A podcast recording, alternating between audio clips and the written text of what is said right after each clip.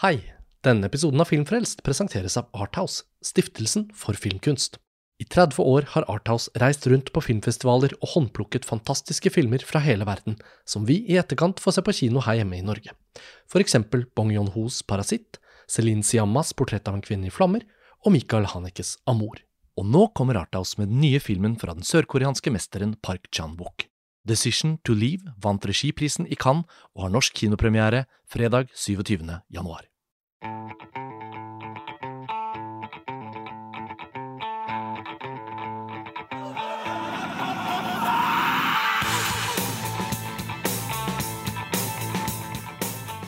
og velkommen til en ny episode av Filmfrelst, podkasten fra filmtidsskriftet montasj.no. Mitt navn er Karsten Meinick, og vi er i Tromsø, på filmfestivalen. Jeg sitter her sammen med redaktør Lars Ole Kristiansen. Hei, Karsten. Hei, Lars Ole. Og med oss i panelet så har vi også filmskaper og regissør da, Emilie Blikkfeldt. Hei, hei. Hei, Hyggelig å være her. Velkommen tilbake til Filmfrelst. Um, vi er her i Tromsø og ser film, selvfølgelig, som vi pleier å gjøre. Det har allerede vært en del festivaldager med tettpakkede visninger. Og en av filmene som har liksom stått seg litt sånn ut i programmet, både i forkant og nå etter at vi har sett den, det er Marie Kreutzers 'Corsage'. Den vises i konkurranseprogrammet, og den vil stå i sentrum for denne samtalen. Filmen hadde premiere i Cannes, Lars Ole. Vi så den ikke der og har sett den nå for første gang under festivalen. Samme har du, Emilie. Så ingen av oss hadde den liksom med oss i bagasjen hit til TIFF. Og det egner seg jo da å snakke om den i denne episoden, fordi det blir liksom en TIFF-opplevelse. Og Marie Kreutzer er litt sånn ubeskrevet blad, selv om hun har fire filmer eh, under beltet fra før av. Og dette blir jo et gjennombrudd, da. Den er på shortlisten til beste internasjonale film, Oscaren. Den vant prisen da Jens Etan Regard for beste skuespiller. Eh, Vicky Krips delte prisen med en annen. Eh, så den kom jo med visse forventninger. Eh, jeg vet ikke hvor vi skal starte. litt sånn, Vi kan jo si litt om plottet etter hvert, men Lars Ole, hva er det som gjør at en film som dette kommer litt sånn på radaren, føler du? Hva har liksom vært bøssen rundt den sånn Eh, nei, altså, jeg har en svakhet for eh, den type periodefilmer. Altså Ja. kostymetunge periodefilmer. Ditt opp. Så, og når det i tillegg da ryktes om at den er skutt på analog film, eh, og at at Vicky Creeps er i hovedrollen, eh, hun syns jeg nok egentlig er en ganske ujevn skuespiller. Jeg syns hun var trollbindende i, Phantom Thread. Ja. Eh, jeg syns ikke hun har trollbundet meg i de engelskspråklige rollene sine. Where she often is a little bit like this. Eh, Jeg er, jeg er litt mer sånn ukritisk fan av henne, merker jeg. Sånn som både Bergman Island og egentlig M. Night Shyamalans Old. Ja, der for eksempel, Jeg er jo veldig begeistret for den filmen, Ja. men ikke sånn for, for hennes rolleprestasjon, egentlig. Ja, jeg følte litt mer at hun gikk for en litt sånn atypisk estetikk som kunne egne seg i et sånt strandunivers som han tegnet opp der. Så, men jeg har merket at jeg er litt alene om det, da. Hun er vel en ujevn skuespiller, men uh, ja. Men hun har uh, en et slags Det er jo som at hun lyser. Uh, altså, hun har noe. Og her føler jeg jo igjen at Eller jeg kunne ane konturene av at hun hadde blitt skjenket en rolle som hun kom til å bære veldig godt. Eh, så det var egentlig grunnlaget for min forventning til filmen. Jeg er ikke noe særlig kjent med den historiske personen Nei, filmen baserer seg For på. vi må jo si litt om det, da. Emilie, du som filmskaper så er du jo vant med å kondensere dine plott og pitche kort og kjapt. Og har du lyst til å prøve deg? Hun spiller jo her keiserinne Ja. Elisabeth av Østerrike-Ungarn, Ja. og vi Ja. befinner oss i 1877-1878. Ja. Faktisk veldig presist. Vi får til og med vite måneder og datoer og sånn, Ja. uten at jeg helt vet hva vi skal bruke det til. Men det kan vi diskutere videre. Ja. Men jeg kan jo si at eh, en av de tingene som også gjorde meg Eh, hvis man ikke kjenner meg fra før, så har eh, lyttere av Filmfrelst kanskje hørt meg i samtale en gang før. Da. Ja, det var- i Titan-episoden. Titan-episoden.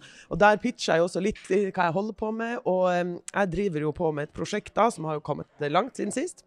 Som em, er et kostymedrama rundt samme Inspirert av samme periode. Eh, men som har jo litt sånn det jeg kaller beauty horror-elementer. da. Em, og når jeg hørte 'Corsage', så var jeg litt sånn faen heller, liksom sånn eh, bra tittel. Altså, det er jo litt bra tittel. Ja. Eh, fordi at den setter det eh, sånn tid, periode, eh, men også så får man litt sånn følelse av noe sånn skrekk eller noe ubehag eller noe som skal være veldig sånn Jeg tenkte at det kunne være noe, noe horror eller thriller eller et eller annet, at man skulle sitte og være litt sånn redd, da. Og det syns jeg er litt gøy, da. Men um, ja, Det er virkelig ikke det er virkelig ikke den filmen. Men denne Elisabeth, altså, hva skal vi, hvordan skal vi liksom prøve å tegne opp for lytterne da litt hva universet Jeg må jo si dette er en veldig plottfri film. Det skjer jo egentlig nesten Ja. ingenting. Uh, men det som skjer, er jo eventuelt på et indre plan, og det er mye Vi kan jo snakke veldig mye om rom her, om selvfølgelig kostymebruk, men også Og. Vi kommer litt mer inn på det etter hvert, men dette er jo da en dame som har eh, på en måte en keiser som mann. Han er Ja, rimelig Elisabeth uinteressert. Elisabeth er fra Ungarn. Ja, Og hun hun- ble, ble gift med han allerede som 14-16-åring. Veldig veldig Ja, ung, tror jeg. Nå ja. møter vi jo hun når hun er 40. Ikke sant? Og hun har jo da både vok altså en tilnærmet voksen sønn og en yngre datter som vi blir kjent med i filmen, men også en uinteressert mann. Uh, og han er også virker veldig blek og, og kjip og byråkratisk i det, det meste. Så hun kommer jo veldig umiddelbart i fokus i hvordan hele dette lille monarki Eller hvordan de skildringene av hoffet her blir gjort, så er det jo alltid med henne i fokus. Det er jo liksom filmens prosjekt, kan vi si. Men så er det jo ikke egentlig da et plott med noe Vi får jo ikke noe involvering i krig, krigføringer. Det blir bare henvist til at det utspiller seg ting rundt omkring i Keiserriket og Sarajevo og dit og datt. Vi spiser mange middager. Men det er, ja, det er måltider, det er eh, sånn rom og det, Det er hun og hennes tjenere. mm, Og, Ganske og på mye et med vis, eh, veldig tidlig i filmen, så besøker hun jo et sånn eh, sanit, eh, sanitets... Eh, altså, eller galesykehus. Sanatorium. Sanatorium, Sanatorium, ja, heter det. ja. Eh, og hvor man får se hvor, eh, Hun går rundt spesielt med de her syke damene og deler ut lavendeldrops. Ja. Som en slags velgjører à la prinsesse Diana. Ja, men på et vis så virker det jo som om hun liker seg der, eller at det er et eller annet med måten hun er der på, som gjør at hun har noe sånn kinship med de. Og så ser hun på en dame da, som ligger i et sånn bur og, og belta fast. Og hun har en sånn tiltrekning til det, eh, den dama. Og da fikk jeg en veldig sånn tydelig følelse veldig tidlig i filmen. OK, det her handler om hvordan hun er, er fast. Eh, altså, hun er i bur. Eh, Fastspent i sin egen rolle. ja, som den her vakre eh, dronninga som nå er blitt 40, som har lagt på seg, som har slanket seg, som besvimer seg ut av eh, off eh, offentlige opptredener. Em, ja, så det Men, men og som det, kjeder seg kjeder seg. aktivt eh, i sin hverdag, og som lengter etter en eller annen form for overskridelse, en eller annen form for rus. Eh, Ja. Det blir jo et motiv i filmen etter hvert, i og med at hun eh, blir heroinist. Eh, På en veldig trivelig medisinert måte. Da. absolutt. Det, si. det presenteres jo som en pakke med frisktabletter, på en måte. ja. I all sin ufarlighet. Og så Dette er godt for deg, blir det dette er noe nytt. ja, men så virker det jo ikke som det blir noe farlig for henne heller. Det, Nei, nei, nei, hun får det jo definitivt bedre. Den delen av historien, den skyggesiden, får vi på en måte ikke se. eh, Men den, den har jo Altså, filmen har jo en eh, på en måte litt sjokkerende slutt, som vi naturligvis ikke skal røpe. Men eh, etter hvert så, eh, så kjente jeg på en måte at jeg syntes det var vanskelig å få en klar idé om hva filmen egentlig ønsket å fortelle oss, utover å skildre en sånn privilegert, men samtidig veldig forpliktende hverdag på et hoff, som vi har sett ganske mange ganger før på film, og gjort vesentlig både bedre, men også rett og slett mer troverdig enn dette. Jeg tenker jo Mm. naturligvis på Marie Antoinette til Sofia Absolutt. Coppola, som jeg vet at uh, også er en av dine favorittfilmer, Emilie. Det står jo så høyt i kurs hos oss alle at det vil jo være i enhver sammenheng kanskje på en måte en litt sånn urettferdig film å trekke inn. Jeg tenkte litt på The Favourite, en Ja. film jeg syns var veldig vellykket, men som ikke på en måte er tidenes beste film, men som har en del også eh, konsepter på gang med hvordan den løser et sånt hoff. Masse rom, masse kostymer og noen sånne stilgrep som Jorgos Landsemos. Men den er veldig opulent. altså Den er Jo. nesten som en sånn Peter Greenaway-film. Eh, Og den, en sånn form for lekenhet var det ikke her. Nei, for det er liksom noe av grepet i den filmen. Ja. Og hvis noen er nysgjerrig på hvordan Corsage liksom løser da sitt prosjekt og konsept, så er det jo verken den parfymerte, overdådige mesterligheten i Marie Antoinette, eller liksom den dyriske, litt sånn uh, Satiriske Ja, Dionysos-lignende Ja. The Favourite. Corsage er liksom- er nok mer litt sånn Den er jo litt østerriksk, rett og slett. Ja, det er er wienerkafé-stilen. Ja. Altså, det er jo ikke rokokko, dette her. Det er wienerkafé-stilen. Møt opp Aldri har vel Altså, rokokkons hovedstad omtrent er jo Wien. Eh, men det er ikke det. Vi er jo ikke på det tidspunktet. det er veldig lite i Wien nå. Vi er jo mest inne på Ja. det. Og litt sånn i, i Jeg kan jo ganske mye om denne tiden, fordi at jeg har researcha den ganske Ja, mye. altså- Nei, så Jeg var jo veldig spent på de her kostymene. Ja. Eh, de er kjent for eh, store rumper på 70-tallet og ganske sånn Morris Moore-kjoler og sånn på kvinnene, mens mennene er veldig enkle og i sånn svarte Men, men det virka som at hun hadde jo ikke ja, lent seg inn i på en måte Det kan vi jo gå inn i etter hvert. Jeg vet ikke. Ja, nei, la oss nå bare ta Ja. det fra Pyd Ja, fordi at um, Ta det eventuelt fra hverandre, altså, hvis det Ja, ja, ja. Nei, for jeg tenker Dere sier ja, la oss vi burde kanskje ikke sammenligne med Marie Antoinette eller er- og sånn, men, men um, som filmskaper, som jo er litt interessert i det samme, så følte jeg at um, For det som skjer etter hvert i filmen, er jo at hun har en del um, anakronismer, veldig tydelige anakronismer med. Eh, altså moderne tingen ting. En presskanne, f.eks., eller plutselig så står det en sånn moderne vaskebøtte og sånn rett for, Mm, og den døra. traktoren var veldig påfallende, syns jeg, når Ja, toget veldig. skal passere der. Sånn Oi, den er veldig... Og noen matretter òg, vil jeg mene. Ja. Altså, det var en moderne Ja, anretning litt på sånn- flere sånn rettene. Gjettelek, barnebokstyle. Sånn finn det moderne i Ja. ja. Eh, Og litt sånn shabby chic-aktige sånn bakgrunner. eh, ja, og, med- og noen sånne gullspreia Ikea-stoler, føltes det som. Noen Altså, dører var det vel i åpningen der som også ja, det, det, det første tydelige der jeg skjønte at her var det noe off, er, er, i et, det første slow-mo-bildet, også det første stedet hvor man får introdusert moderne musikk Ja. av eh, Camille, en fransk artist som jeg tidligere verker har hørt, og som jeg syns veldig godt. Eller bra. Eh, men eh, da kommer hun i hvert fall springende opp en sånn eh, eh, trapp. Eh, som er av gammel stil, men dørene de springer gjennom, er sånne, der, eh, sånn 60-talls, 70-talls sånne glassdører med noe sånn altså så, Ganske stygge greier, da, men som er til og med er åpne, så det er nesten så du ikke ser det. Det føles bare som at de ikke har penger til å skyte det et ordentlig sted. Eller liksom anakronismen er så utydelig at Ja. den tar meg mer ut ja. enn den Men- inviterer men meg inn. Er det heller ikke feil? Nei, men jeg, jeg følte heller ikke at, jeg, at det tilførte noe. Nei. Og i Marie Antoinette så er jo det grepet der fordi at Sofia Coppola ønsker å skape en slags avatar ut av eh, Marie Antoinette, som vi som moderne mennesker kan plassere oss inn i. Det er ment å være en coming of age-historie om en ten fremmedgjort tenåring. Og den blir mye mer tilgjengelig for oss nettopp pga. de egentlig veldig sparsommelige grepene. Og så er naturligvis musikkbruken ikke å lar seg ikke beskrive som sparsommelig, men den er jo da også vidunderlig! ikke sant? Og det er jo ikke bruken av moderne musikk i denne Corsage-filmen. Jeg syns egentlig de låtene var fine, men jeg, jeg, jeg følte ikke at ja, det, var ganske Det var jo ikke ja, det var jo ikke mye musikk i filmen. Den, Nei, nei. Eh, Så og det var jo ikke noe score utover de låtene som ble framført. Og i- alt i alt så sitter jeg med en følelse av at filmen liksom bare prøver begynne på en, en del ting som den ikke helt fullfører. Og det var jo litt det du var på vei til å si, det der med å være filmskaper og se sånne ideer bli slengt inn i filmen. Ja, fordi at, ikke sant? For for det første så mener jeg jo at eh, hun på et vis eh, nå går inn i en slags tradisjon, men også en trend. Eh, som er basert på Sofia Coppolas Marie Antoinette, og, og som vi har sett liksom altså Sorry to mention it, men liksom Bridgerton med sine moderne, fantastiske kostymer. Jeg syns de er helt forferdelige. Eh, men også bruk av ikke sant, moderne musikk, og plutselig spille Billie Eilish-låter på med sånn kvintett eh, på ball og sånn.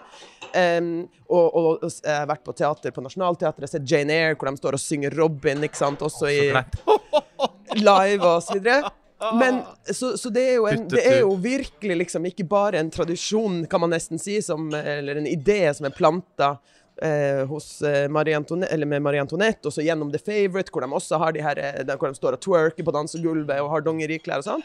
Det er blitt en veldig sånn tydelig ting. Det er sånn, en, sånn kan man tolke, liksom, knytte fortiden og fremtiden sammen. Så jeg føler som filmskaper så har hun em, så, så tenker jeg hun burde tenkt at eh, jeg kommer til å bli satt i sammenheng med de filmene. Og hvor stiller jeg meg? Og det eh, syns jeg er veldig utydelig i denne filmen. Og så det andre som jeg ble Jeg begynte å kjenne meg ganske tidlig. Og så begynte jeg å bli ganske pissed. Ja. Eh, og jeg har tenkt på det i ettertid, at som filmskaper så mener jeg nesten at det er en sånn kardinalsynd em, å misbruke eh, visuelle ideer eller anakronismer uten å gi det innhold eller mening. For på et vis så tar du ifra andre filmskapere muligheten til å ta de samme ideene og bruke dem på en meningsfullt måte. For da er de liksom brukt.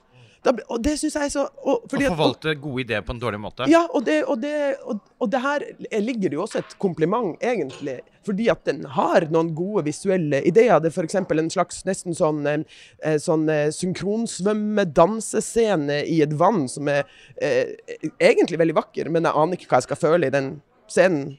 Um, så derfor så blir det aldri noe stort øyeblikk. Og det syns jeg går igjen i mange av de tingene hun gjør. Det kunne vært kjempespennende å, å ha en, eh, en eh, prinsesse eller dron, keiserinne da, som plutselig blir heroinist. Hvis hun fikk, virkelig ble heroinist. Ja, det Men hun blir ikke det. Nei, og det skjer jo først de siste 20 minuttene av Ja. filmen. Hun Men får, det er hun får egentlig det mer som et sånn beroligende middel, Ja. virker det som. At Men hun, det hun chiller definerer litt i badekaret. Og, slutten av filmen. Så det følte, altså jeg syns det var rart at ikke det ble introdusert Mm. litt tidligere i fortellingen. Det, eh, igjen, eh, det blir veldig vanskelig å forstå hva, hva filmen vil oss utover å ja, eh, vise fram de rommene og skildre eh, hovedpersonens hverdag på en etter hvert ganske repeterende og kjedelig måte. For jeg syns heller ikke da den er strukturert på en måte så altså Man kunne bruke ord som 'Å, den er, syklisk', eller den er Mm. Men nei! Altså, jeg følte egentlig at det bare var litt sånn slentrende og litt kjedelig skrevet eh, fortelling. Eh, ja, man må på en måte litt advare for lytterne som eventuelt er nysgjerrige. Så tenker jeg jo at det er mye å trekke frem her som er verdt å se, men man må også sette de rette forventningene her. Og dette er en film som litt av, av natur er kjedelig. Og dersom man ikke har tålmodighet for hva filmen ønsker å gjøre, så kan dette bli en veldig kjedelig film. Jeg merket at jeg skjønte det nesten med en gang.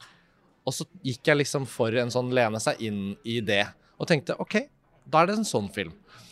Og for å trekke frem noe jeg syns var ganske positivt her, så opplevde jeg at det å klare å bli med i filmen eh, gjorde seg selvfølgelig Det gjør seg alltid, men det gjorde seg spesielt godt med denne filmen for meg. For da, da opplevde jeg at kanskje noen av de styrkene den, vi kanskje er enig i at den har da, Jeg syns jo den har et veldig stemningsfullt fotoarbeide som, som blir en av filmens styrker. Mm. Og, og da blir jo også noen av de litt mer sånn opplevelsesorienterte, kjedelige stillebenene, på en måte, de blir ganske vakre å, å se på. Og så syns jeg den har en interessant slags metadiskusjon i både keiserinnens opplevelse av selvbilde, alder, eh, vekt, bekledning, hår. Det er et langt, vakkert hår som jeg googlet meg frem til at hun var veldig berømt for. Mm. Uh, det klippes. Uh, uh, det er um, uh, portrett. frisøren hennes Ja, får et ja, sammenbrudd. Ja, Ja, det, synes var en veldig bra scene. Det var en veldig bra Hvor hun scene. sa bare sitter Men med de mitt hårstumpene. Dette er mitt livsverk. Mitt livsverk, ja, og du har bare klippet av. Men også at hun blir portrettert av en eh, hoffmaler. Og hun bare Kan ikke du bare se på alle de andre portrettene og så bare lage et nytt? Jeg gidder ikke sitte her. Ja. Eh, hun er opptatt av uh, kamera, fotoapparatet, filmkamera som en oppfinnelse. Som også blir en anakronisme, fordi i 1878 hadde vel ikke Lumière-brødrene kommet så langt, på en måte. Nei, eller Edison, for den saks ja, eller Edison han var vel ikke nede i Østerrike-Ungarn der og viste fram. Nei. Uansett hvor interessert han var i å tjene penger, så er det ikke sikkert han, han var på markedet der og viste fram. Så jeg syns Og så syns jeg at ja, Jeg liksom følte jeg kunne oppdage etter hvert at hoffrommene som skal være påkostede og materielt rike, var fattige og slitte. Og så var hun på galehuset, liksom. Og så var det egentlig de samme rommene Mm, der. Ja. Og det følte jeg var en, en parallell som ga mye mer mening i et slags klasseportrett her, enn de anakronismene. Så noen grep er liksom litt ladet, andre ikke så mye. Jeg har vært på Schönbrunn og kan i alle fall slå fast at det var ikke der. Nei, er det i Wien? Ja, det er slottet i Ja, okay. Wien, ja, okay. som er eh, slottet Marie Antoinette vel også opprinnelig eh, kom fra. Ja. Eh, i og med at Før hun ble byttet ut i skogen ja, der. ble utvekslet eh, til Frankrike i skogen der, ja. Eh, til eh, tonene av The Radio Department. Men nei, altså, jeg syns jo noen av de visuelle elementene var veldig stilige. Og det handler også litt om den liksom, fargepaletten egentlig de har valgt seg i foto og sånn. da. Mye sånn opal uh, og sånn hvitt, skarpt hvitt lys og svart. Så, så, så det var uh, Altså men, men av og til så ble det brutt opp på en måte som jeg syns var så fryktelig ustilig. Ja, ja, ja. Og da, altså for eksempel så er det en, eller annen scene hvor de nyter en frokost, hvor det er et, en sånn børstet vegg i bakgrunnen sånn, som ser ut som litt sånn Jeg å si sånn shabby chic. Bo Bedre-magasin. Ja. eh, eh, som, øh, som, som dro meg helt ut av eh, atmosfæren. Ja, men fordi at eh, Det må vi eh, nesten snakke litt om, og det er jo de her anakronismene. For jeg syns eh, Det er jo På et vis var det gjort på en litt spennende måte. Det her med OK, vi skal lage altså Kjæresten min som er fotograf, han var helt overbevist om det måtte være en budsjettavgjørelse. det der, At de bare De hadde ikke råd til alle de historiske greiene, så da fant de ut at ja, OK, da, det, Da blir det et grep. da blir det et grep. Og, og, og jeg bare sa, tenkte nei, det kan det ikke være. Det må være bevisst på et vis. Men det er sånn det føles, da. Ja. Det føles som en redning liksom, fra at de ikke har klart å lage en periode. Men det er et eller annet Jeg, jeg fant meg selv i å sitte og lure på når jeg skulle forstå den høyere greia, for det var jo det var litt spennende da, innimellom. Ja, altså det, det inntreffer jo ikke på noe tidspunkt at keiserinne Elisabeth plutselig går inn i det moderne eh, Wien og Nei. kjøper seg en cola eller noe sånt. Men det er noe sånt som savnes, liksom. Jeg sier ikke at det skal være helt Petzolds transit heller. For, det, for da husker jeg vi kom med den samme spøken. Kanskje de hadde så lite budsjett at de bare bestemte seg for å filme alt i nåtiden, og så er det liksom fortellingen satt i 1945. For den filmen har jo av og til fått enorm skryt for det tidenes mest utrolige anakronistiske idé om å bare filme en periodefilm bare i, Ja. i Men det Som var er vel så ikke vi idé. Og filmen var jo ja, den bar ikke den ideen, den heller. Nei. Men jeg føler kanskje at det er Uten at jeg skal liksom komme med den ideen filmen trenger, for det er alltid litt patetisk når noen gjør det, men, men det mangler en sånn tydelig uttalelse som kan binde det sammen. Og når ikke det skjer, så blir det også litt sånn Man venter egentlig på at filmen skal forløse noe, og så er den sånn, ferdig. Ja, det føles jo litt som en sånn tilstandsfilm. Men Ja. jeg, jeg, jeg, jeg var jo, vi var jo på samme visning på Ja. Kulturhuset, Mm. og det var stinn brakke. Den ville folk se, Ja. denne her Helt- filmen. Jeg kom jo nettopp fra Fokus 1 Ja. nå, som er den største kinosalen i Tromsø. Det var ikke ett ledig sete. Nei, det var enorm og, Og det veldig var bra bra, stemning. Folk lo, og folk koste seg. Men sånn er det jo alltid på TIFF. altså, Uansett hvor grim film eh, filmen måtte være, hvis det er noe som kan tolkes å være en anelse morsomt, for eksempel, så Det er fordi at de aller fleste er sånn eh, stemning. Men det er også fordi at den typiske TIFF-filmen jo ikke nødvendigvis er en komedie, så det kan være litt sånn utsulta når de endelig Ja. Savnet etter å få le er så stort at når det kommer noe som kan tolkes som morsomt Ja.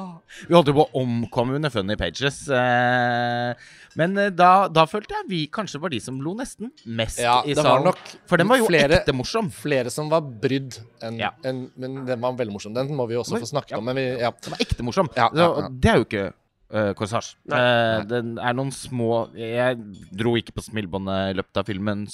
Som en reaksjon til noe eh, som var ment humoristisk. Men eh, salen var i fyr og flamme, ja. Ja. Og den er jo faktisk ikke, ut fra det Lilje har klart å finne ut, så er den faktisk ikke tenkt på norsk kino sånn per i dag. At det er ikke noen som står klare med med det forstår jeg godt. Dette er en utpreget festivalfilm. Nettopp fordi når man ser den i på en måte da andre festivalrammer, så kan man tvile på publikums interesse og nysgjerrighet. Og så ser man på to fulle visninger her på TIFF, så tenker man dette er jo en uh, periodefilm, blockbuster, den må på norske kinoer. Men så er sannheten at det er bare i Tromsø, under festivalen, at akkurat den målgruppen er villig til å møte opp og stå i kø og kjempe for de ledige setene. Så det er jo, den blir aldri ut- bedre vist nei, enn den blir utvise så mye sjenerøsitet overfor enhver film de ser, det er jo det, det er som er litt rørende. magisk med Absolutt. Ja, Tromsø. Og det er rørende å være her nå som pandemien har ødelagt to årganger, og virkelig føle at den stappfulle TIFF-salen er tilbake. Det, Helt det, klart. Og nå er dette litt en digresjon, da, men altså, det er mye snakk om eh,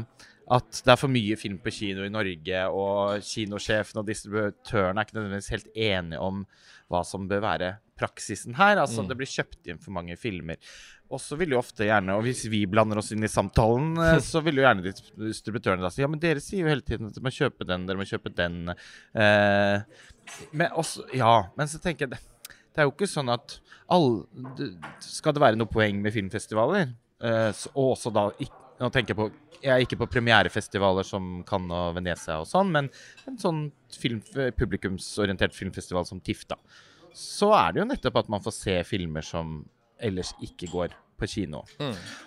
Og så og det, men det betyr ikke at vi ikke skal ha festivalfilmer på kino. Men de vi skal ha, skal være de absolutt beste. altså, Hvis en festivalfilm er av enorm kunstnerisk kvalitet, så skal den likevel på vanlig kino. Uh, og det er ikke denne filmen. Og derfor tenker jeg det er helt naturlig å, å slå seg til ro med at uh, den kan man se uh, på festival Ja, eller på Blu-ray. Og det er ikke vanskelig å se for seg at uh, Corsage f.eks. kan programmeres inn på Kosmorama. Og så kan vi også nevne til slutt at det har vært noen en uheldig nyhetssak knyttet til en av de involverte i Corsage. Det fargela dessverre filmen litt for meg, så derfor har jeg ikke lyst til å nevne det til lytterne. Men for de som er nysgjerrige, så er det også en, en skandale som ikke har noe med filmens kunstneriske kvalitet å gjøre, men som gjør at mange distributører nå ikke er interessert i, i filmen. Da. Men det er en film å se, men den har problemer, og nå har vi jo egentlig fått snakket om den. Jeg vet ikke, jeg vet du skal videre i løypa, Emilie, så vi kan jo egentlig avslutte der. Eh, Det kommer flere festivalepisoder, så, så bare følg med, folkens. Eh, Det har vært i hvert fall, og det var jo det vi avsluttet litt med nå, da, at det er en fryd å være tilbake i fulle saler i Tromsø. og Antall besøkende på Corsage under denne festivalen er jo allerede et høyere tall enn mange kvalitetsfilmer som ble satt opp på nasjonale kinoer i fjor høst, og ingen ville se. Så på en måte har jo besøkstallet alene her på TIFF overgått andre smalere titler. Da. Så det er jo et paradoks. Men eh, ja, Lars Ole. Vi er jo snart tilbake på Filmfrelst. Emilie, eh, veldig hyggelig å ha deg med. Ja, takk. og flere episoder av Regirommet er jo nå rett i løypa. Skal tas opp en her i morgen, så, så da vil lytterne høre din introduksjonsrøst snarlig igjen. Og så håper vi å ha deg med som panelmedlem sånn som nå, til våren en gang når det kommer en god anledning. Så takk for det, og eh, takk for at dere hører på. Vi er straks tilbake med en ny episode. Ha det bra. Ha det bra. Ha det.